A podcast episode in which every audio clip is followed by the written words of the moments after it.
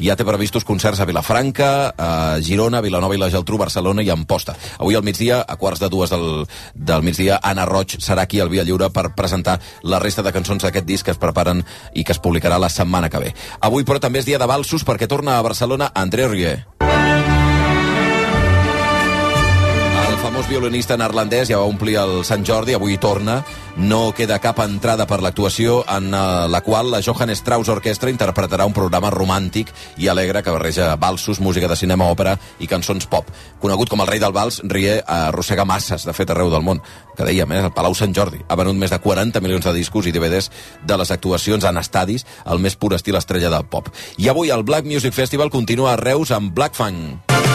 En la cuina, remenant per la nevera, ansiosos famolencs com una fera, hora de sopar ningú espera. La banda de hip-hop eh, castellorenca actuarà al Teatre Bartrina, on presenta els temes del seu últim disc a foc lent, en el qual barregen el rap amb les arrels jazz i funk.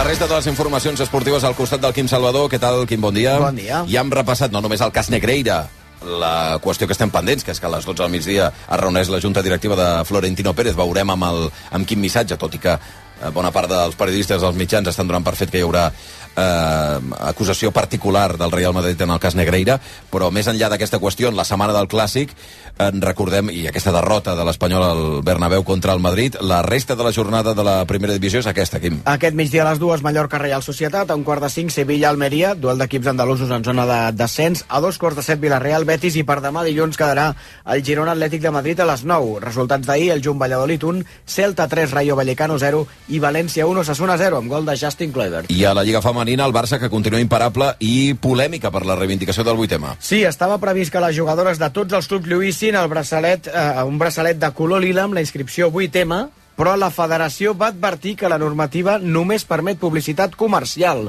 a la indumentària de les futbolistes i que el missatge 8M pot ser considerat polític i, per tant, comportar sanció. Les àrbitres dels dos primers partits de la jornada, que eren l'Alavés Sporting de Huelva i el Llevant les Planes Sevilla d'ahir al migdia, no van autoritzar els braçalets i ja ningú l'ha lluït durant el partit.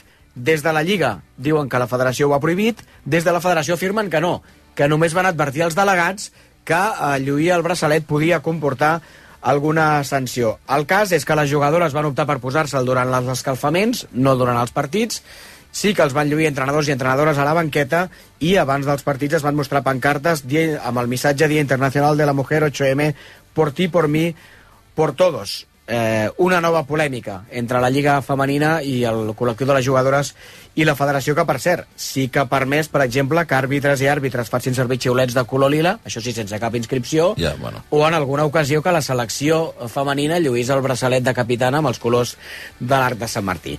Reivindicacions al marge. El, Bar el Barça va golejar 0-4 a casa del tercer classificat, que és el Llevant, amb gols d'Aitana, en va fer dos, un de Pina i un altre de Rolfo, i el Llevant les Planes va empatar un a casa amb el Sevilla, amb gol de Laura Martínez. Anava a dir que la federació molt, molt, eh, vaja, eh, molt preocupada pels braçalets i llavors eh, a l'hora d'entregar medalles els hi fa que se'ls agafin elles mateixes. Bé, eh, més enllà d'això, Itziar Llobet, la jugadora del Barça femení de bàsquet, eh, eh, deixa la competició perquè està embarassada. Sí, ho va anunciar ahir. Ella i la seva parella, que també és jugador del Barça, el porter i capità de l'equip d'handbol Gonzalo Pérez de Vargas, esperen una criatura. Aquesta nit Itziar Llobet n'ha parlat al Tu diràs. si has d'acabar la teva trajectòria eh, per començar a plantejar-te si vols una, una vida familiar, jo crec que és, és complicat, no? Eh, llavors, bueno, eh, jo crec que contra abans es normalitzi, doncs, doncs molt millor per, per, per totes, per totes les dones. El Barça, a més de felicitar la parella, ja ha dit, com no podia ser d'altra manera, que respectarà el contracte de Llobet. Eh, deixa de competir, ahir ja no va jugar el partit contra el Perfumeries Avenida, que per cert el Barça Sant Feliuenc va perdre 50 a 68, però un cop eh, hagin tingut la criatura el Llobet eh, tornarà a jugar. També hi la Lliga Femenina, victòria de l'Uni Girona de 14 a la pista de l'Encino, 58-72, i del Cadí la Seu, també victòria de 16 a casa del Jairis, 50 a 66. En bàsquet masculí, avui tenim un duel català a CB al Palau Blaugrana, dos quarts de set Barça-Manresa, el Girona rebrà dos quarts d'una al València Fontejau i el Joventut va perdre de 17 a Tenerife ahir, 85 a 68. I acabem amb tres titulars en format molt més breu. En futbol, Sala Ferrau va tornar a jugar després de 3 mesos i mig lesionat amb derrota del Barça, sorprenent 3 a 4 al Palau contra el Noia. També va perdre l'Indústria Santa Coloma 4 a 2 a la pista del Manzanares. En tenis, aquesta matinada, Paula Badosa i Carlos Alcaraz han, supremat, han superat, vull dir, la primera ronda d'Indian Wells. La catalana ha guanyat Núria Parrizas 6 a 2 i 7 a 5 i el murcià ha superat Tanasi Kokinaikis per un doble 6 a 3. I eh, l'estatunidenca Micaela Schifrin ja és la millor esquiadora alpina de la història després de guanyar ahir l'eslalom d'àrea Suècia i aconseguir la seva 87a victòria a la Copa del Món, superant el rècord de 86 victòries del legendari Ingemar Stenmark. Les 9 i 5 minuts, gràcies, Quim. Fins ara. Fins ara. El 9 de maig de 2018 es va celebrar per primera vegada el Dia Mundial dels Mitjons Perduts.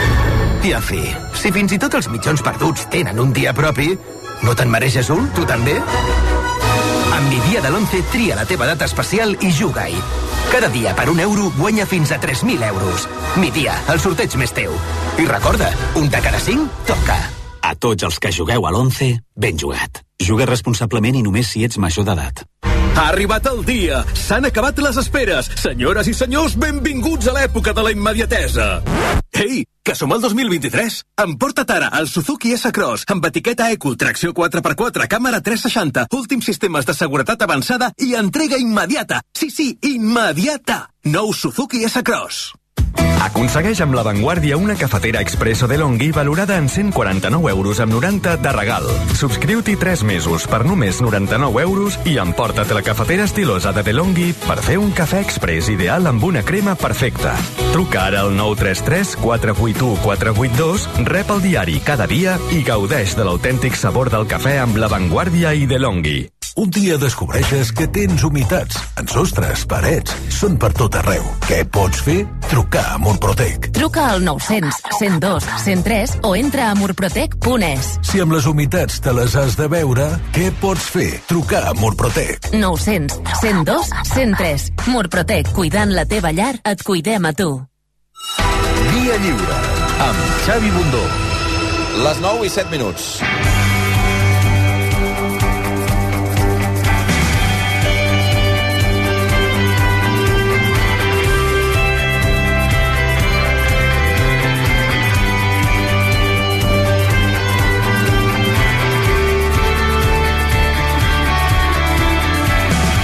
S'atreveixen a fer política utilitzant els arguments i les imatges que han utilitzat, es denigren ells mateixos. Això em fa a mi més fort. Que justament doncs, s'ha celebrat aquesta reina és un punt doncs, relativament el, el més sec que tenim al municipi i que realment un incendi eh, en, aquella, en aquella situació i amb la casuística del vent que està fent avui, doncs eh, podríem tenir un problema, un problema greu. Unes sancions que implicarien la expulsió del Barça de les competicions de la UEFA. També està la possibilitat de perdre títols. And the Oscar goes to...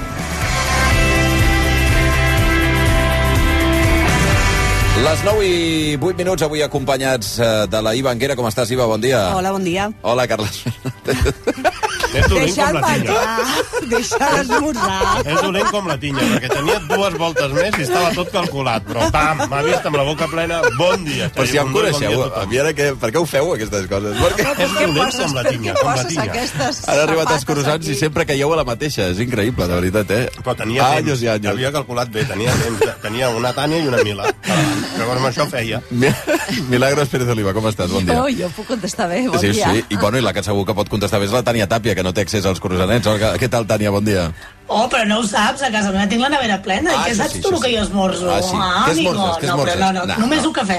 Ah, doncs bueno. mira, faig dejú intermitent, cafè i prou, imagina't quina tristor. Dejú intermitent. Mira, els diumenges encara alguna està- porra, perdona, sí, alguna molt de porra, moda, algun eh? xurro, però... Ara està com Mira, de no moda. sé, jo eh? li dic així per dir... Li dic així per tancar una mica la boca, saps què t'ho vull dir? Perquè ara fas, et poses a la punt, perquè dius, ara estàs en el moment que et posaries en biquini. Ja sé que a Catalunya ja us hi heu posat, eh, alguns, però llavors, clar, quan arriba la, la, la, el juny, el juliol, ja t'has descontrolat. Que hi ha molts vinets, molts arrossos, moltes històries i ja no serveix. Vull dir, ara estic en el punt just per tancar la boca. O sigui, ara has d'aguantar aquí, eh? Bueno. Però Ara estàs- aguanta, és el moment d'aguantar. Està estupenda, ja. Eh, les 9 i 9 minuts... Eh, Va, no sé. a, veure, a veure si t'hauré d'enviar al Bernabéu al final avui, eh?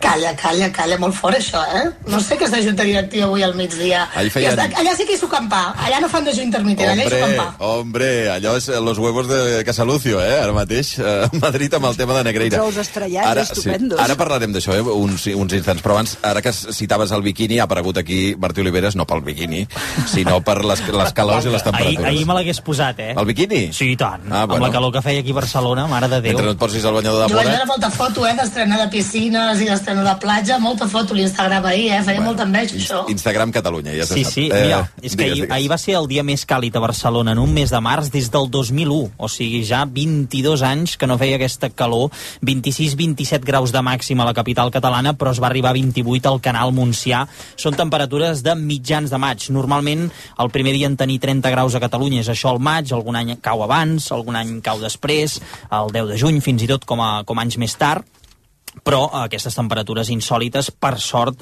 eh, ja tenen els dies comptats. A partir de dimarts cauen les temperatures, es normalitza dimarts, dimecres, fins i tot ambient fred al Pirineu, recuperarem la nova la roba d'abric, que és el que toca eh, al mes de març, no, no, no pas aquesta bogeria de temperatures tan altes, la mala notícia és que no es veuen pluges importants. Demà a la nit sí que arriba un front que reactivarà els ruixats i farà baixar la cota de neu al Pirineu, comarques de, del nord de Lleida, bàsicament, Pallars, Alta Ribagorça, Vall d'Aran, Principat d'Andorra, Cerdanya. A la resta se li arriben aquests ruixats poca cosa. Mm, Dècimes de litre, mullar el terra, sí que doncs, els Pallars, la Ribagorça, la Vall d'Aran, aquí amb una cota de neu cada cop més baixa, pot anar eh, regant, pot anar nevant, però serà l'únic front una mica amb cara i ulls que tindrem aquesta setmana que ve i després la temperatura podria tornar pujant, no tant, o sigui que ja ens mourem en paràmetres més normals, com a mínim això, però pluges importants a la vista no se'n veuen, es veu un altre canvi potser dissabte, diumenge que ve, eh, ja en parlarem aquí al Via Lliure, mm, tant de bo sigui així. Es veu una mica més animada la segona quinzena del mes de març. Ah, bueno. Sí, eh, no, no per tirar coets, És però... d'hora, encara, però- És d'hora, però escolta, mira, mirant una mica a llarg termini sí que es veuen més fronts amb més possibilitat de ruixats, això a partir de dissabte, diumenge que ve. Mm, De moment aquesta setmana només al Pirineu i a la Perdona, resta... eh? O sigui, la, dissabte que fem el tema de les flors, plourà? No, home, no, jo no he dit això. Bueno, eh? Va, home. ja ho, ho, ho encarregarem de que Però si plogui tot arreu menys a Barcelona. No, no, si és per tot arreu. exacte, Escolta, si vol ploure una mica no passa res, eh? Manipula tot. La primavera ja ho té, això. tot, manipula tot. És Però és escolta, horrorós, és horrorós. És horrorós. No estàs amb un, estàs amb un to. No Hi ha una cosa últimament. Vull una agressivitat A mi no em poseu entre vosaltres. A veure eh? si, a veure si talles els cabells com el Martí. Ha, per, ha perdut. A, Sanson. Però això t'anava a dir, Sanson, el pobre. Martí, no t'hi fiquis, que ja s'ha tallat el cabell prou, s'ha no, tallat, perquè no va perdre, això veu. Sentiu, va perdre Sí, una aposta una meteorològica, Sí. que és la de la neu. Però Sanson, què, què dieu de Sanson? Ara No saps qui és. Sanson? Ja t'explicarem, perquè ara... ara, ara com... Deixem-ho, deixem-ho. Sintonia, sintonia, com balla. Hosti, noi, per favor. Martí, a llegir, eh? Apa, vaig estudiar. Estudia una mica bé. de qui era Sanson. Per favor. Dos minuts i un quart de deu del, del matí. D'aquí una estoneta potser te demano Sí. tornar perquè parlarem del tema Bombers. dels incendis, eh, que avui a més a més estàvem pendents de l'ensurt d'ahir a Cubelles, al Garraf, que de moment s'ha quedat en un ensurt perquè la cosa està estabilitzada, que no controlada encara, que sapiguem, eh, ho anirem ampliant al llarg del matí, però la previsió de com es presenta una campanya d'incendis que pràcticament no és que hagi començat al març, però sí que hi havia 21 comarques que estaven en risc alt o molt alt d'incendi a 11 de març, amb temperatures altes, amb sequera, amb vent. Bé, La, la situació veurem com es presenta de cara als pròxims, eh, als pròxims mesos. Li, li deia això a la, a la Tània, a veure, dos coses que m'agradarà comentar també, amb vosaltres dues informacions que us avançava aquest programa fa una estona. La primera, que ja hi ha denúncia formal d'Ernest Maragall pel cas de, dels cartells que van aparèixer a les seus d'Esquerra Republicana eh, rient-se, fent befa de l'Alzheimer del seu germà, deia fora l'Alzheimer de Barcelona, amb fotografia d'Ernest Maragall i de Pasqual Maragall, en, en, en proximitat d'una campanya electoral. Ja hi ha hagut denúncia ferma, formal, eh, d'Ernest Maragall, que no d'Esquerra, és una denúncia presentada a través de l'advocada Olga Arderiu, amb testimonis fins i tot de gent que va veure de lluny persones penjant els cartells i que fins i tot els van renyar. No? Eh, per tant, eh, especifica que, que aquests vàndals van ser avisats ja mentre hi havia algú que, que veia com penjaven els, els cartells. Eh, el que no se sap encara és el tema de les càmeres de seguretat que hi ha a la seu d'Esquerra Republicana. Recordo que s'havia apuntat en algun mitjà que, que mm, les persones anaven, que van fer aquests actes eh, anaven a cara descoberta no ho sabem, o sigui, no tenim confirmació d'això. Hi ha les càmeres de la seu d'Esquerra, hi ha les càmeres dels comerços pròxims per identificar, veurem, perquè s'estan revisant el material tant des de Mossos com, Guàrdia Urbana. En tot cas, aquesta és la informació que us explicàvem a les 8 del matí, que us avançava RAC1. Ja hi ha denúncia formal per part d'Ernest Maragall, no d'Esquerra Republicana, sinó d'Ernest a títol eh, individual, eh, d'Ernest Maragall, per al cas dels, dels cartells. I la segona, que m'agradarà també comentar amb vosaltres eh, d'aquí una estona, és el tema de les agressions eh, al col·lectiu mèdic. Avui és el Dia Mundial, el dia, no, Mundial, Europeu, contra les agressions als professionals sanitaris, i eh, recull aquest programa ha tingut accés a unes xifres que ens han sorprès. 2.000 agressions l'any passat a Catalunya. Quan estem parlant d'agressions, i això està bé especificar-ho, estem parlant bàsicament d'agressions verbals, la majoria d'elles, però un 9% aproximadament arriben a les mans. També mm, se'ns ha informat que bona part d'aquestes agressions, tant físiques com verbals, acaben afectant a personal administratiu, més que purament a metges o infermeres. És a dir, el personal que atén en un CAP, sobretot en els CAPs, el 78% passa als centres d'atenció primària, no als hospitals, eh, però sobretot en els CAPs, és on eh, s'afecta de forma més directa el personal que està bé, atenent de forma de cara al públic a la gent que hi va. Eh, I que bona part d'ells són homes estem parlant d'un 60 i pico per cent, més de la meitat són homes els que exerceixen aquesta, aquestes agressions, aquesta violència verbal, que en alguns casos acaba en física. Bé, deixeu-me començar, però, per al tema que li deia la Tània, que deia que si l'enviaríem a Madrid al, al Bernabéu, perquè avui estem mirant que a les 12 del matí ha de sortir Florentino Pérez, ahir sentia el Xavi Puig que feia en broma a la transmissió de l'Espanyol contra el Madrid, que deia, no, amb qui reunirà exactament Florentino Pérez? La imatge de... feia en broma de dir, bueno, s'assegura junta directiva ple de peluixos, i què? Què fem, no? Uh, la sensació de que el cas s'està enverinant, enverinant molt pel Barça, que veurem com acaba, i que l'aparició sobtada del Real Madrid canvia algunes coses.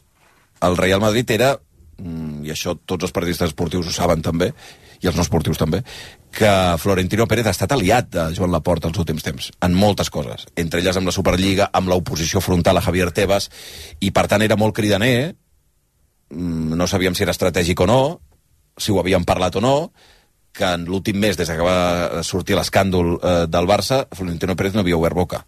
El Real Madrid no havia sortit.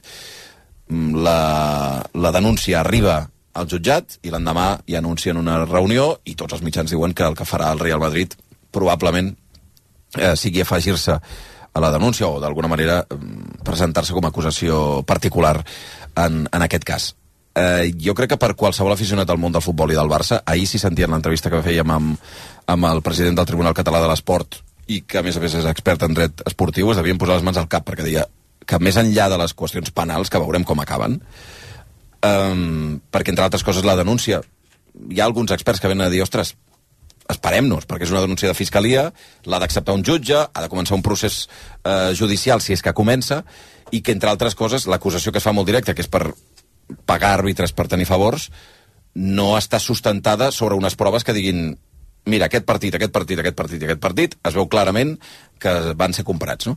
I per tant s'ha de ser molt, eh, molt prudent amb això, amb aquest contingut. Ara, algunes competicions no actuen via jutges, no actuen com un judici. La UEFA, per exemple, té els seus estatuts i pot decidir el que li roti. I la possibilitat de que consideri la UEFA que això l'afecta en una competició com la Champions, podria portar-lo, deia Xiol, sense cap problema, a treure el Barça de la competició eh, o a retirar-li títols, fins i tot. Mm, podria arribar a aquest extrem. Veurem què és el que passa en les pròximes setmanes, però el canvi de rasant probablement sigui l'entrada de Florentino Pérez en tot aquest cas. No sé si com ho veieu, si voleu comentem molt breument, però... Jo, jo més que canvi de rasant, el que, el que em dóna la sensació és que Florentino Pérez eh, no pot sostenir aquest silenci, probablement per pressions internes, internes de, o sigui, creus? de l'en- de l'entorn del Real Madrid. eh? Florentino Pérez i l'entorn del Real Madrid. de, que, Sí, a veure, tot. al final eh, és l'únic club d'Espanya que no està comentant res en el moment de, més, de major debilitat del seu teòric gran rival. I, i, so, la pregunta ens hem de... i sobretot, i sobretot el que... I per què no està comentant res? Aquesta és la I, pregunta. i, I jo crec que ara veu tan dèbil a la porta que no es vol enfonsar amb ell. O la porta i el Barça, que no es vol enfonsar amb ell. O sigui, que deixa caure una peça que fins, ara ha estat un aliat i que ja no aguanta més aquest silenci. Jo crec que és un moviment preventiu per, pel que pugui passar més aviat, no? que, que pel que ha passat fins ara, perquè el cas, com a cas penal, està a les baceroles encara, eh? i a més, eh, jo també, alguna gent que n'he parlat, diuen, bueno, és que per acusar algú d'un delicte has de demostrar el delicte, i en aquest cas els pagaments a lo millor podrien ser constitutius d'una infracció fiscal, de moltes coses, diríem, no? Però d'un delicte penal de corrupció, això s'ha de demostrar, s'ha de demostrar, i aquí encara no hem vist, malgrat tot l'escàndol que s'ha fet en lloc, un partit, una jugada, un eso en el que un àrbitre poguessis dir, mira, això va ser discutit i... És a dir, eh, el, període que s'analitza de més és el període de més èxit del Barça, però és que el Barça va demostrar l'èxit en altres competicions que no eren eh, la pròpia, La Lliga la pròpia Espanyola. Lliga, perquè, perquè el Barça va ser la- l'aportador fonamental de la Copa O si, si. Exacte, això és el que. Mundial. Mira, eh, sí, però si parlem de la competició europea, que en principi Negreira no té capacitat de parlar de la, de la Champions, el Barça va guanyar tres Champions en aquesta època. Um, I el Mundial és evident... És evident que la participació del Barça és definitiva per al Mundial que guanya Espanya i les Eurocopes, fins i tot, no? Um, però em sembla molt interessant això que apuntes, perquè um, des de fa molt de temps s'està carregant molt les tintes amb la qüestió arbitral i ja fa setmanes que a mi em dóna la impressió que s'està abandonant una altra lectura, que és la econòmica, purament. A, a mi el que em fa... mm, em genera més tensió i veig coses menys explicables és on van els diners d'una banda a una altra, per què hi ha implicat un alt càrrec del club en un moment determinat que es queda una part dels diners, eh, com és el senyor Contreras, que va morir al desembre, um, per què el senyor Negreira, Hisenda diu que no tenia um, augment de patrimoni després d'haver cobrat 7 milions d'euros en 20 anys. On, on han anat a parar aquests milions? Sí. Uh, sí. Nya. O sigui, per, per mi la clau està aquí, més que els àrbitres. Els àrbitres s'ha de poder demostrar. Després pot haver, insisteixo, el que deia abans, que la UEFA pot decidir el que vulgui, perquè literalment és un òrgan privat que fa i desfà com li ve de gust. I si vol aplicar que hi ha una qüestió eh, des del punt de vista eh, d'imatge pública que l'està perjudicant i treure el Barça, doncs ho farà. I és igual el que digui un jutge, el que el, igual el que digui un fiscal. Farà el que li doni la gana. Però la qüestió judicial, que a mi em sorprèn que no se centri més, i fins i tot Fiscalia, i el jutge veurem què fa, en on han anat aquests diners. Perquè és que fins i tot el, el, el fiscal ve a dir que hi ha, un, hi ha un intermediari del club que es queda diners. Llavors, ostres, potser estem parlant d'una altra cosa. Digues, eh, Tània. No, i fixa't que repassant la, la denúncia i pensava, hi haurà detalls de, el que dèiem abans i el que tu assenyalaves, que no hi ha absolutament cap vinculació concreta d'un uh, partit que hagi estat beneficiat del Barça i que es pugui acreditar. Només hi ha un burofax en el que Negreira, quan li tallen l'aixeta, uh, doncs ve com a amenaçar de que pot fer públiques certes irregularitats, però és que això pot ser una mesura de pressió, es pot fer un burofax en base a vés a saber tu què. És a dir, que tangible, tangible, encara no hi ha res. Al Madrid jo entenc que s'ha esperat, un, per el que apuntaves, per les relacions que té la porta amb determinades coses, dos, perquè és un altre dels clubs de grans, dels clubs importants de la Lliga, i no es pot tirar a la piscina amb una operació que no vegi que té un resultat tangible. També aquí a Madrid comenten que tenia la pressió de les bases, hi havia alguns uh, socis que ja estaven recollint signatures, però bueno, que, a veure, uh, Florentino ha aguantat coses pitjors Home. i allà resisteix, no? Però sí que és important, per exemple, que per ser acusació, i això és una cosa que passa en tots els procediments judicials, hi ha d'haver una demostració de que n'ets perjudicat. És a dir, tu no et pots personar en una causa perquè sí, en base a que genèricament, doncs, com uh, un club d'aquesta lliga, has pogut ser perjudicat. No, tu has de demostrar que en alguna cosa tangible tu ets una persona perjudicada i, per tant, et, et deus a, a, tens el dret, diguéssim, de ser acusació, que això encara ho enverina més, perquè quan tu ets acusació, si la causa està secreta, no, però en el moment que s'aixequi s'aixequi el secret, tot el sumari, tot allò que s'estigui investigant, el Madrid també ho podria tenir. Per tant, després aquí ja, la guerra, diguéssim, mediàtica, que es podria tenir si el Madrid té informació tan sensible d'una causa que s'acabi investigant, jo crec que això també Està molt ben vist, això. és rellevant, és rellevant i podria ser, doncs, eh, perquè aquí ja no només parlem d'una qüestió purament econòmica, arbitral, judicial, parlem d'una cosa que sobrepassa l'esportiu. Mira, aquest matí eh, eh, m'ho feia recordar un, un, una crònica del periòdico que parlava de, que, de com es va, no, eh, com es va començar a parlar de que el Barça era més que un club, que va ser el 68, en un discurs de la presa de possessió de Narcís de Carreras, i m'ha recordat una expressió de, de Manolo Vázquez Montalbán que va acabar referint-se al club com l'exèrcit desarmat de Catalunya. Sí. Al final, eh, això també eh, el que fa és posar una mica en qüestió els valors del club si realment s'acaba demostrant alguna cosa, eh? que estem en un moment de presumpció i tal, però clar, eh, acaba posant en qüestió que tu t'identifiquis amb la manera de fer d'un club si era un club en el que la pasta es movia d'aquesta manera sense control i sense saber on va parar. Mm. És a dir, jo li veig que és interessant des de diferents artèries perquè encara que no t'agradi l'esport, aquí hi ha alguna cosa. Encara que no t'agradi eh, tal, t'agrada o, la, o la part judicial, la part econòmica o la part social, perquè jo crec que sí que això toca una miqueta la medula social del club. Jo, um, a més a més, hi ha un altre factor que a mi em, em desconcerta molt, tant de la de, de l'entrada de la Fiscalia com ara del Real Madrid, i és que fins ara tot això només ha afectat al Barça perquè la Federació de Futbol, els àrbitres, han aconseguit no ser esquitxats per aquest conflicte. Uh... Al revés, quan va sortir el tema Negreira, fixa't una cosa molt interessant, que ara carreguem les tintes amb el tema o mediàticament, amb, amb el xantatge, ai, amb el xantatge, amb el, amb el suborn d'àrbitres, etc. Quan va sortir el cas, immediatament va saltar eh, a l'entorn del, del, del comitè tècnic d'àrbitres dient, però si aquest senyor no pintava res. Ara, Clar. això ja, ja ens n'hem oblidat. Però l'entorn arbitral deia que aquest senyor no pintava res. Per tant, Però clar, ara de cop pintava tot. si, si obres aquest meló, aleshores el problema ja no és el Barça, el problema és tota la Lliga Espanyola. Evident. I aquí pringuen tots, aquí pringa tot el negoci del futbol espanyol. Per això em desconcerta eh, que hi hagi determinats actors molt importants que entrin tant en la via judicial o tenen molt, molt clar que han fet un, un, un, un cordó sanitari amb el tema i que només pot afectar el Barça. No sé com, perquè al final el Barça és un actor que es mou dins d'un engranatge. Si comprava, comprava algú, i si no, no tenia cap... I si no, l'única denúncia possible és contra els propis interessos del club, no contra la gestió dels altres clubs. Per tant, eh, no sé, jo crec que aquí hi ha coses que encara se'ns escapen. Carles. Bé, jo diria que, a veure, estem tips de veure denúncies, o jo em presentaré, o jo, jo formaré part de la causa i tal, que llavors queda no, no res, perquè no hi ha res que la sustenti. Però sí que serveixen per enviar un missatge, per fer veure que, per, ostres, doncs jo, jo aquí no en deixo passar ni una, jo, o sigui, tot això també n'estem tips de veure.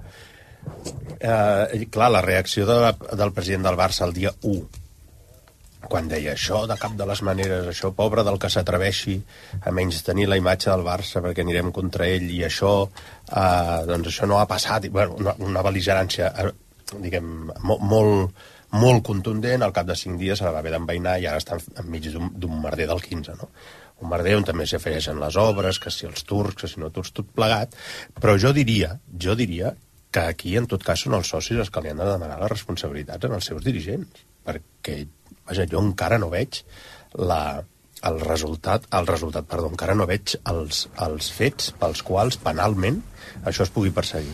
I jo encara de moment no els veig perquè si el club decideix donar-li uns diners a un senyor perquè li facin informes d'uns àrbits, els faci o no els faci o, o el que sigui, això bé, doncs ja està, és un acord. L'altra cosa és que llavors el senyor hagi declarat Hisenda o no hagi declarat a Hisenda, però això és una altra, això va per una altra banda.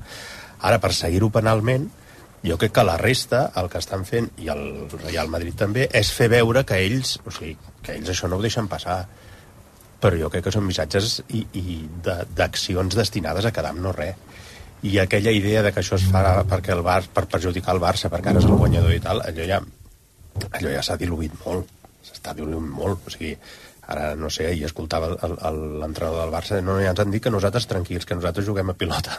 Bueno, clar, ell tampoc no pot dir una altra cosa. Clar, feia una mica de... Feia una mica... Bueno, eh, no podia dir- una Però altra cosa. no, és que- Una altra vegada em va dir alguna i llavors va, van fer rectificar. Bueno, és que aquest és un dels problemes del club des de fa molt de temps, que és que l'entrenador hagi de donar explicacions per tot el que passa al club.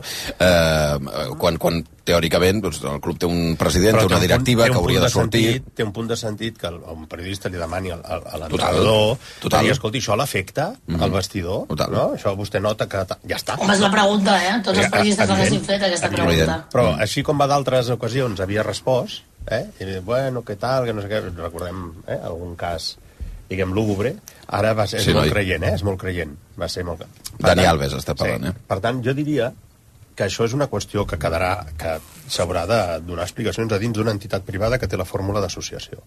I que, per tant, està arreglada en tant que, que associació i no en tant que societat anònima o no en tant que altres coses, sinó en tant que associació. I que hauran de ser els socis els que acabin demanant les explicacions i les responsabilitats, però de moment no, no sembla vaja, o ningú apunta a que el senyor Bartomeu s'hagi fet molt ric, a que el senyor Rossell doncs, també s'hi hagi fet... A que...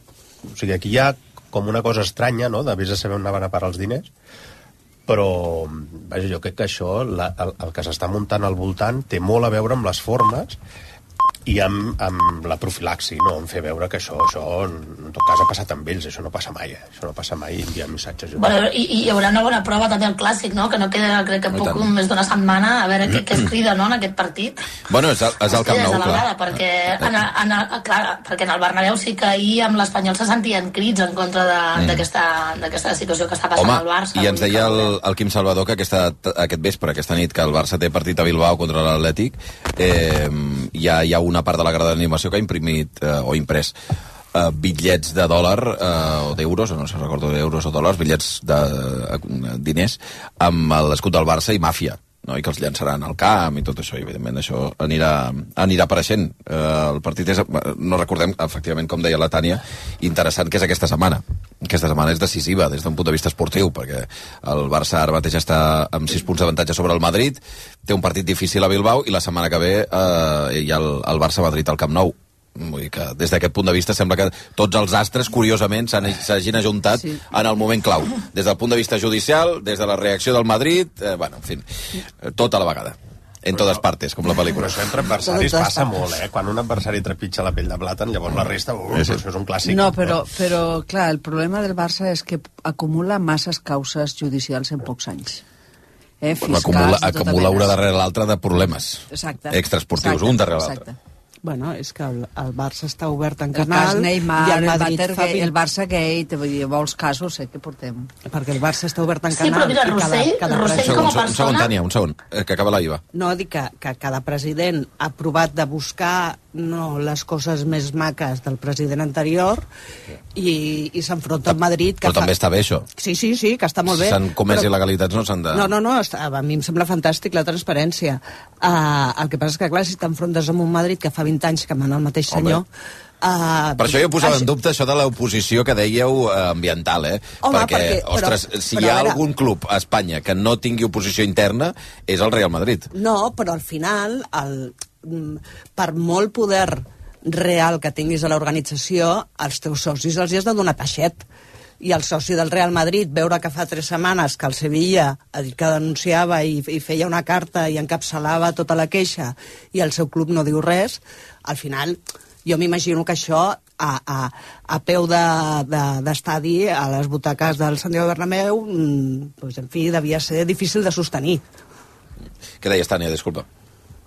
No, no, no, que quan apuntàveu de, de tots els escàndols judicials que hi ha a l'entorn del Barça, eh, només recordar que quan va saltar la querella de la Fiscalia, que ara ja s'hi empastifava també Sandro Rossell, el seu entorn ràpid va sortir a explicar que, i a recordar que són sis processos judicials els que eh, l'han anat a buscar, diguéssim, i en tots els ha guanyat. És a dir, fins i tot dos anys de preventiva que es va menjar eh, a Madrid i després va ser absolt, no? Vull dir que, eh, que veurem, eh, que veurem, que tot això, i ho dèieu molt bé abans, eh, està a les beceroles, però que sempre són a- aquells, a- aquells entorns que es van generant de dinàmica, d'acusació, d'acusació, però anem als fets, anem als fets i a lo tangible, i de moment és una querella presentada per la Fiscalia i que encara no s'ha admès, eh, que no s'ha admès a tràmit. Per Sí. tant, hi ha el relat d'una fiscal amb poca prova, amb, amb, amb, amb, que llegeixes la denúncia i dius, bueno, mm, la majoria de coses són eh, relativament lògiques o, o que ja les coneixem i que porti dades rellevants, doncs eh, veurem, veurem. Sobre això, eh, només un, un apunt, mm, que una de les coses que van en contra del, del Barça precisament és el temps,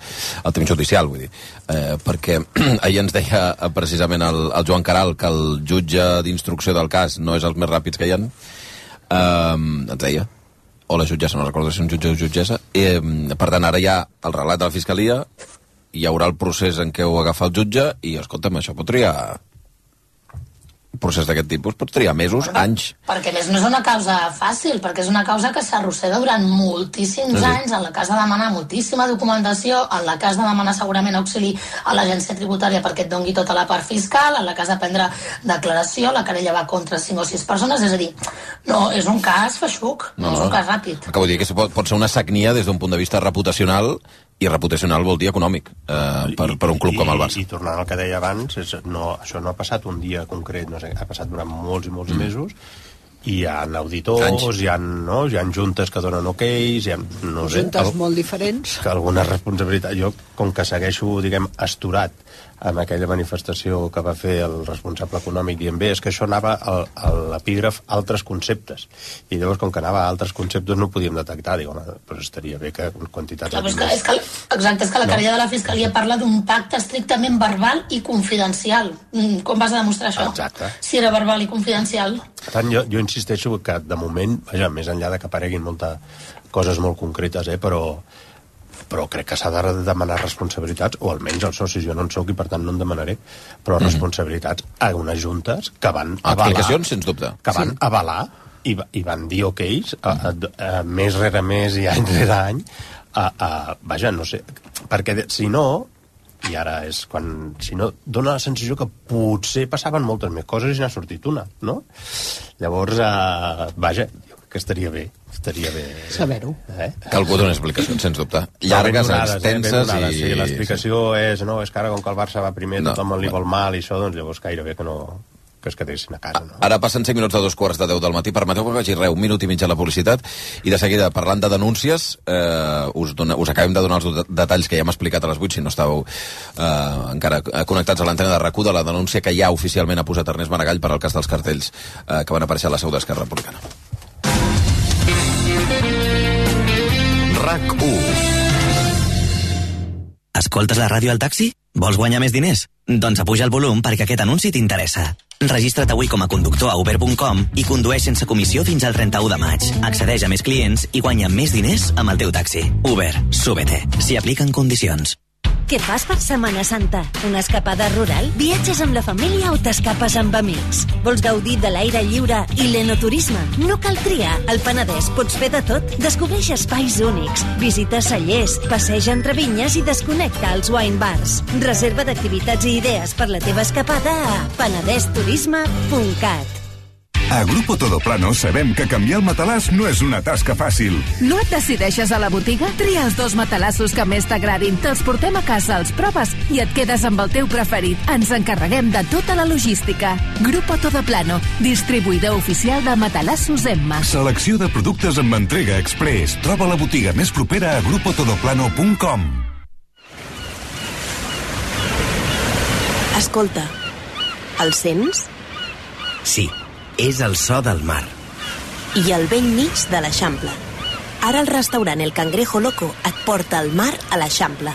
Reserva a elcangrejoloco.com. Un restaurant únic a l'Eixample. RAC més 1, podcast. RAC més 1 i Borges presenten Respostes que alimenten, el podcast de salut i nutrició de RAC més 1 amb Esther Muñoz i la doctora Magda Carles. Escolteu-lo cada 15 dies, els dimecres, a l'app de RAC1 i a RAC1.cat. Tots som més 1. Renovada, actualitzada. Ara, a rac1.cat encara és més fàcil descarregar, escoltar i compartir els teus podcasts preferits. R-A-C-U.C-A-T El portal de notícies de RAC1. Via Lliure, amb Xavi Bundó. 9 i 38, avui de- acompanyats de la Ivanguera, del Carles Fernández, de la Milagros, Milagros Pérez d'Oliva, de la Tània Tàpia. De seguida eh, saludarem el cap de l'àrea regional de Barcelona del cos eh, de gent rurals, en un cap de setmana, com dèiem, eh, sobretot ahir, del risc d'incendis. Eh, continuen els bombers treballant en el cas de Cubelles, eh, en aquest incendi al Garraf. Eh, però, mentrestant, el que us dèiem, si no éreu atents a les 8 del matí quan hem avançat aquesta notícia, L'alcaldable d'Esquerra Republicana a Barcelona, Ernest Maragall, ja ha presentat denúncia formal pels cartells que van aparèixer dijous i que feien befa sobre l'Alzheimer del seu germà, eh, Pasqual Maragall. Ho ha fet davant dels Mossos, ho ha fet a títol personal, per tant no és Esquerra Republicana qui fa la denúncia. Eh, és una denúncia que porta Olga Arderiu i que hi afegeix, a part de la denúncia explícita, diguem-ne, dels cartells com a tal, eh, va ser eh, una denúncia que hi afegien, eh, en aquest cas, testimonis. Testimonis que haurien vist aquestes persones que penjaven cartells en una de les seus d'Esquerra i que, a més a més, els havien renyat. Per tant, en tot cas, aquesta és la, la situació. El partit no hi entra de moment. Ernest Maragall fa la denúncia eh, formal, l'ha feta ja. El sentíem al món a rac divendres, eh, bastant afectat per la qüestió, eh, evidentment, personal. I, i a partir d'ara veurem el què. Eh, no, no hem acabat d'esbrinar si les càmeres que hi ha a la seu d'Esquerra Republicana o els, eh, els, els, els comerços que hi ha a prop de la zona es veu clarament si aquestes persones anaven amb la cara tapada, destapada, si són fàcils d'identificar o no. Això ho està treballant en tot cas els Mossos d'Esquadra i, i la Guàrdia Urbana. Era previsible que passés, però mm, us podem informar que ja va passar, va passar ahir la denúncia formal d'Ernest de, Maragall. La, la qüestió és, a mi el cartell, si algú volia eh, posar de manifest que el candidat d'Esquerra Republicana és gran, que potser no té les capacitats, etc que sembla que és la, la, la intenció evident, són uns, barru, són uns barruers. Perquè posar com a lema fora l'Alzheimer de Barcelona tu saps l'antipatia que genera això immediatament? Eh, és a dir, en aquests moments, primer, barrejar Alzheimer amb, amb edat, no necessàriament. Tota la gent que té edat té Alzheimer i l'Ernest Maragall ha demostrat que està perfectament en forma mental, eh, mm, absolutament per ser candidat i per ser alcalde i per lo que vulgui. Però és que, a més, posar eh, la imatge de Pasqual Maragall, que sí que té Alzheimer i que va ser modèlica el seu tractament de la malaltia i que a més és un alcalde que ha deixat una petjada en la ciutat que és dels indiscutits, per entendre'ns. Eh? Més enllà de les sigles, en aquests moments la figura del Pasqual Maragall és una figura que desperta simpatia i bon record en una immensa eh, quantitat. És, és, és, és universal. Així que més aviat sembla que si volien eh, provocar aquest efecte, potser el que ha provocat és el contrari absolutament el contrari del que pretenien, amb la qual no sé qui pot estar detrás, però una llumanera no és. No, té tota la pinta de ser... No vull dir una bratolada perquè, perquè l'insult i l'ús de la malaltia és molt seriós. I que a més té un component d'odi, eh, que no n'hem sí. parlat. No és només... És un, té un component d'odi. No sí. és només... El, la causa de l'anúncia no és per incitació de l'odi, però podria ser-ho. Eh? Exacte. O sigui, la, la, el, el, el, el cartell és molt greu... No sé per quin delicte és. Mm -hmm el, el cartell és molt greu, però, però el que hi ha darrere és tan, tan, tan simple, tan poc elaborat, tan, que no pots pensar que hi hagi cap partit al darrere. I si hi ha algú que remotament està relacionat, i ha perdut qualsevol esperança de fer res amb aquestes eleccions, perquè el descrèdit de qui estigui relacionat amb aquesta acció serà tan absolut que ningú que tingui dos dits de front i una mica de coneixement polític pot estar al darrere. Sí, sí, ja és evident que és, que és fastigós, eh? Um, altra cosa és que penalment això també tornem a ser-hi, eh? Tornem a ser-hi que penalment això pugui anar a qualsevol lloc, però vaja, ja ha tingut jo per mi la condemna que toca, que és la de tothom, i per tant amb això ja, ja diguem, es pot passar, es pot passar plana, no? Mm. Um, sí, bueno, doncs potser es troba les 3, 4, 5 persones doncs, que s'han dedicat a, a enganxar aquest cartell, uh, els hi podem dir lletjos a la cara i males persones i ja està però el, per mi el que té el valor és que no hi ha hagut cap esquerda, cap esquerda per condemnar això. I això, doncs, encara sí. et fa tenir un punt de, de confiança en tot plegat, no? No hi ha hagut ningú que hagi quedat mut, no hi ha hagut, no hi ha hagut ningú que no hagi dit, no s'hagi posicionat, per tant, ha estat tan unànim i tan, i tan transversal d'un extrem a l'altre que bé, ja està. Jo crec que, que perquè per la resta no crec que vagi molt més en, en, enllà, perquè suposo que deu ser per l'honor que deu denunciar que deu denunciar Ernest Maragall, però vaja, sí, com sigui, diguem, aquesta, això sembla justet, però jo em quedaria amb la part aquesta més, més positiva, no?, de que la condemna ha estat unànim i, per tant, els ha sortit fatal. Digues, eh, Tània.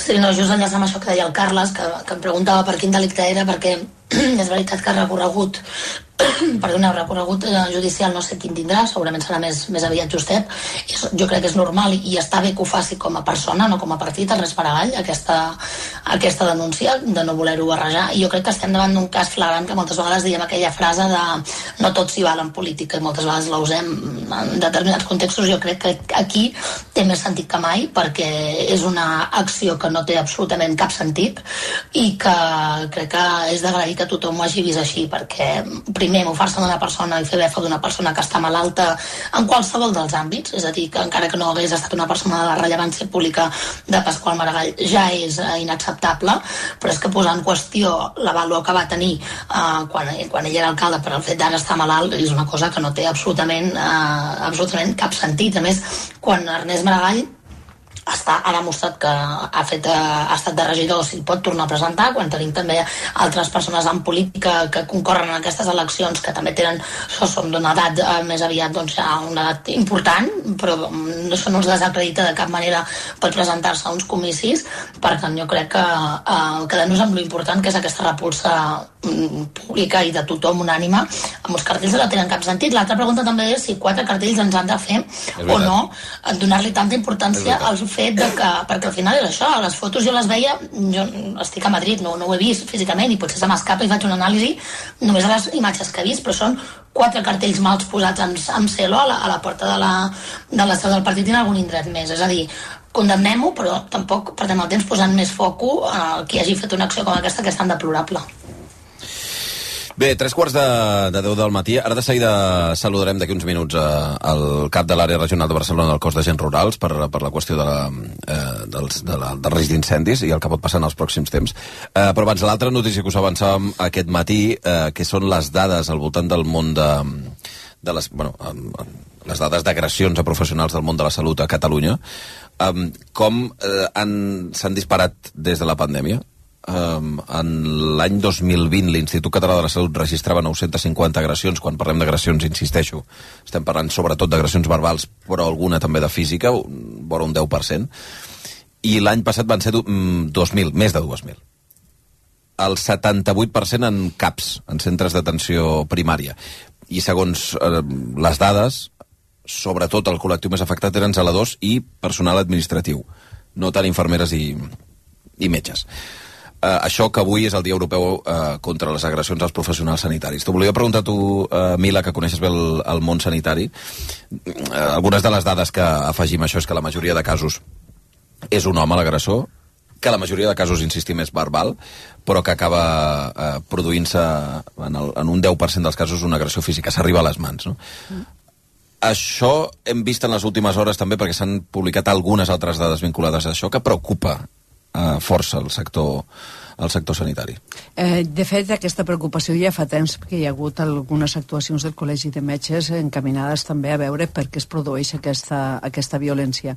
El fet de que, la, de que molts d'aquests casos siguin contra els serveis administratius i d'accés eh, indica que tenen molt a veure amb els endarreriments en l'atenció a les persones.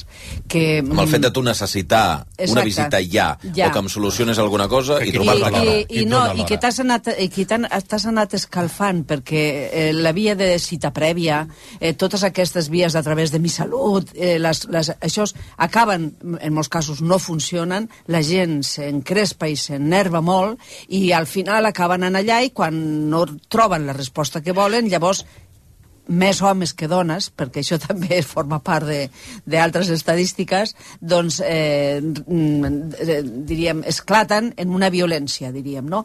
També parla d'una altra cosa. Parla de com hi ha un malestar emocional i psicològic que moltes vegades es vincula, sigui o no psicopatològica, eh, a, a malalties, a l'estat de salut, i com els serveis sanitaris entomen cada vegada més mm, situacions de pacients que tenen un component de ma malestar mental i emocional molt clar i que segurament no estan ben recollits en els circuits d'atenció a la salut mental. Eh? Jo crec que se barregen les dues coses.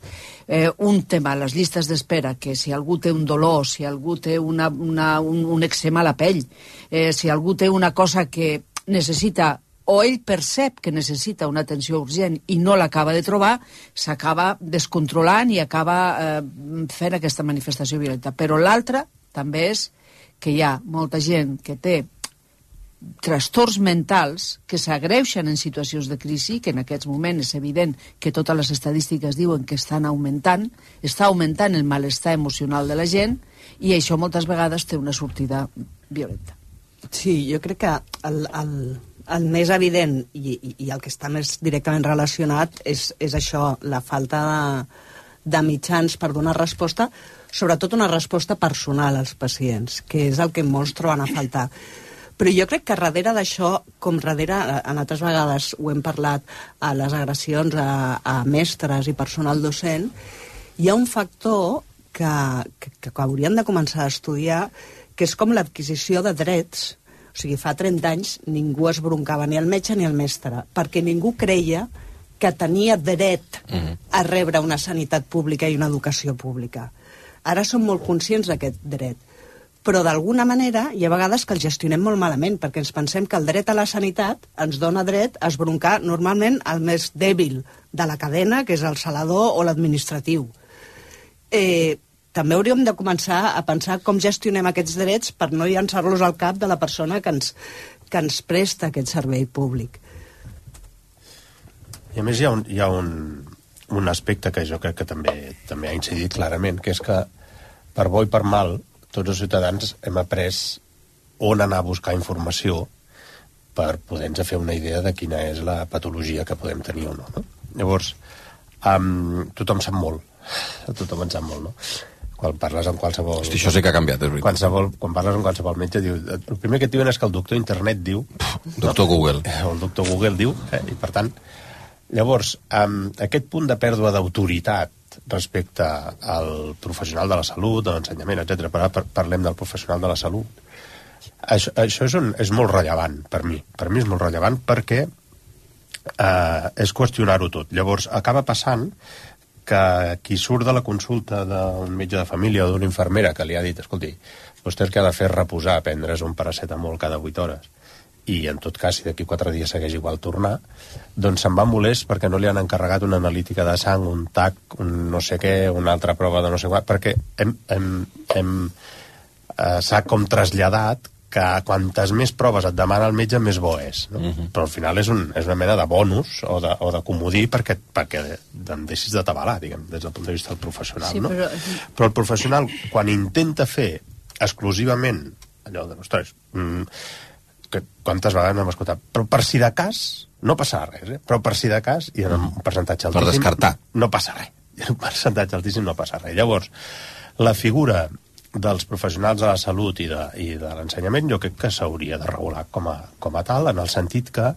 els funcionaris públics no són agents de l'autoritat, tots, perquè això ho és la policia, però sí que haurien de tenir una cobertura més alta de la que tenen, perquè no pot sortir a zero el fet d'anar i esbroncar algú o perdre els papers o empenya'l o si després immediatament hi ha una mediació i es posen d'acord no passa res, però no pot tenir la sensació ni el treballador públic ni, ni el professional de la salut ni la resta que tu vas allà, tu li fot la bronca, li dius, i m'he quedat super a gust. No, no, super a gust no. Vostè aquí a gust no es queda. A gust si queda, si se'n va a córrer, diguem. Però ha de tenir un punt de cobertura més alt del que té, crec jo, el determinats mm, professionals eh, públics i privats, eh? perquè aquí no, jo no faria Sí. distinció, perquè l'esbroncada o el cop de puny, Sí, diguem, tant, igual. tant se val que estiguis en un lloc com un altre, no? I, i, i clar, l'administratiu què li passa? Doncs que segurament l'administratiu és qui dona hora. I la realitat, doncs, és la que és. Mm. I, i, i et donen hora doncs, molt més tard, i, i cadascú viu les situacions personals i la- i l'angoixa i l'emoció d'una manera o d'una altra, però, però ha de tenir un límit, perquè és que um, és això, fa 30 anys no se'ns acudia a ningú eh, doncs, no sé, esbroncar, Sí, esbroncar la, entendre me la que els- metgessa o esbroncar el metge, no? No, no, no són per aquesta via. Sí, aquí- però a veure, és, és veritat que, que hi ha el síndrome del pacient impacient, diríem, no? És a dir, és un tipus de pacient més jove que està acostumat eh, a la cultura del consumisme en el que si vull una cosa l'encargo a Ama- a Amazon i la tinc en dues hores. Mm. I això en la salut no funciona així. És veritat, és a dir, aquest perfil està mm, incidint cada vegada més.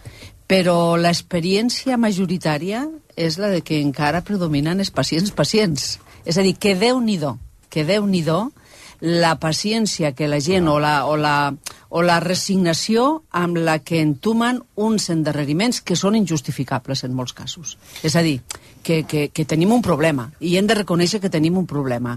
I l'augment de les agressions només és el símptoma d'un problema que és estructural. Home, avui hi ha un reconeixement de Manel Balcells a la, a la Vanguardia, l'entrevista que li fan, que diuen no està funcionant bé els Clar. sistemes telefònics, els sistemes de... I a més ara, no està, no està la, ara la cobrint. digitalització i tot el sistema que s'ha de fer perquè eh, hem d'avançar en la digitalització, però s'està fent d'una manera que deixa fora molta gent. I la gent gran no s'hi aclara i, i eh, s'ha d'acompanyar millor la gent en la renovació Eh, dels Emi- procediments d'accés perquè s'estan convertint en una barrera d'accés Clar, al sistema sanitari. Se m'acudia...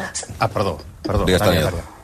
No, no, no, molt, molt ràpid, per unir-me una mica les reflexions, perquè el que em feia pensar també el que comentàvem, que al final les agressions eh, són lamentables perquè el diagnòstic és el mateix, és a dir, els professionals també s'estan queixant, i ho hem vist en les darreres setmanes en les reivindicacions, en els dies de vagues i protestes convocades, d'aquesta càrrega, és a dir, de que no tenen temps d'atendre correctament els seus pacients, que no tenen temps de dedicar tot allò que necessiten per fer una, un bon diagnòstic, que tenen eh, problemes perquè saben que hi ha pacients als que els han de donar hora, mm, dir, és a dir, l'administratiu que està allà o l'administrativa que està donant hora i veu que algú necessita atenció mèdica i no li pot donar fins aquí 3, 4, 7 dies, se'n va a cofoi a casa? No. És a dir, patim tant pacients com professionals el que és un problema del sistema i és aquesta sobresaturació i aquest endarreriment en l'atenció mèdica que hauria de ser diferent. Per tant, en cap cas l'agressió ni verbal ni de cap manera ha de ser. Ens hem de posar també en la pell de la persona que s'està 8-9 hores donant Mm. cites i veient i patint en primera persona Clar, clar. com l'atenció que ha de donar és cada vegada pitjor perquè no té temps. I tu quan parles amb els professionals i especialment ja, després quan ja parlem dels metges i, la, i les metgesses doncs el que volen és no pensar que tenen 6 minuts per pacient i que tenen una agenda amb 30 pacients al dia. No, perquè més els que som de poble sabem que el metge coneix el pacient el metge vol parlar una estona. Moltes vegades és també el moment per la gent gran que, que viu més aïllada o que té altres problemes doncs de, de poder eh, abordar-ho des d'una altra perspectiva. Sumem-hi la malaltia mental és a dir, moltes de les consultes també ara són per detectar incipientment que hi ha un problema de salut mental i s'estan veient obligats a donar hora a mesos vista o fins i tot un any vista en el psicòleg eh, de la Seguretat Social. Per tant, la diagnosi i el problema és compartit, per tant, busquem una altra via, que sigui la depressió a l'administració pública, tots tenim dret a votar, tots tenim dret a exigir als nostres polítics que és el que per nosaltres és prioritari, però deixem al marge els professionals que volen treballar bé i fer-ho en bones condicions. 4 minuts arribarem a les 10 del matí. Res, deixeu-me un minut de pausa i de seguida parlem dels incendis. Via Lliure, amb Xavi Bundó. Al meu país la pluja no sap ploure. El canvi climàtic asseca els rius. Posa en risc l'abastament d'aigua i la producció d'aliments. Treballem per fer front a la sequera i garantir l'aigua, però cal l'esforç de tothom. Cada gota compte. La pluja no la controles, l'aixeta sí. Generalitat de Catalunya. Sempre endavant. Ha arribat el dia! S'han acabat les esperes! Senyores i senyors, benvinguts a l'època de la immediatesa! Ei, que som al 2023! Emporta't ara el Suzuki S-Cross amb etiqueta Eco, tracció 4x4, càmera 360, últims sistemes de seguretat avançada i entrega immediata! Sí, sí, immediata! Nou Suzuki S-Cross. RAC més 1 presenta... Crits. Emili Solsona, jubilat. So- Somos un equipo de investigación desde famosa ya, por la Laureano, que es, es mi, mi aprendiz. Eh, Somos eh, un equipo de investigación policial urbana. I Laureà Lledó, 40 anys i vivint amb els pares. A les 22.03 al carrer Valladolid del barri de Sants de Barcelona, una dona va cridar molt fort. Tots dos formen un equip d'investigació criminal que busca casos on no n'hi ha. Ya sé lo que haces con tu mujer cada noche. tranquila. ¿Eh? Cuando subes borracho. ¡Eh, eh, oh, ¡Que me lo han dicho los vecinos! Si no ¿Qué digo? ¡Eres un maltrato! ¡Ven, ¡Mira cap aquí! ¡Eh, eh, eh! eh, Crits, un podcast que posarà foscor a la llum. Cada setmana un cas a l'app de rac i a rac I divendres la resolució al versió RAC1. Crits, amb el suport d'Òptica i Audiologia Universitària per a joves d'un a 100 anys. Als 20, als 40, hi ha una edat per cada cosa. Una edat? Hi ha una edat per ser jove i una altra per deixar de ser-ho? Quan has de deixar de somiar? A Òptica i Audiologia Universitària sabem que, tinguis l'edat que tinguis, és perfecte per ser jove. Òptica i Audiologia Universitària. Per a joves d'un a 100 anys. Via Lliure, amb Xavi Bundó. 10... Un minut i arribarem a les 10 del matí, a veure. Eh, abans que ens posem amb el tema, eh, Martí Oliveres ha entrat a l'estudi perquè ja l'hem demanat que vingués amb el tema de la, del tema dels incendis per parlar dels riscos, però és que ha arribat i diu, ja sé qui és Sansón. He estudiat, he tingut aquests 20 minuts per estudiar. I què, i què, què ens has de dir de No, he, he mirat un vídeo que m'ha passat el mossèn de, del poble, Ah, imagina't. t'ha vingut a... Sí, sí, se m'ha escrit. mossèn? crostó, eh? T'ha tocat el crostó? Diverses persones, home, Martí, com pots no saber qui és Sansó? M'ho han explicat, Molt bé, molt bé. pel grup que tenim de meteorologia de, De la Garriga, no? El mossèn? mossèn Santi de la Garriga Mossèn. Santi. Sí. Des d'aquí Ah, salutacions. Gràcies per exacte. escoltar la ràdio i per alliçorar el pobre... El pobre Martí. pobre Martí, que I he mirat aquest vídeo i sí, sí, doncs veig que li tallen els cabells perquè perdi la força, però escolta, jo crec que encara sóc una mica jove i em mantinc una mica bé. Et mantens bé després del tall de cabells. No em puc queixar. Bé, eh, notícia d'aquesta hora del, del matí que ja està confirmada per a, també els bombers de la Generalitat. Està controlat ja l'incendi de Cubelles, al Garraf, per tant, bona notícia per aquest cantó. Eh,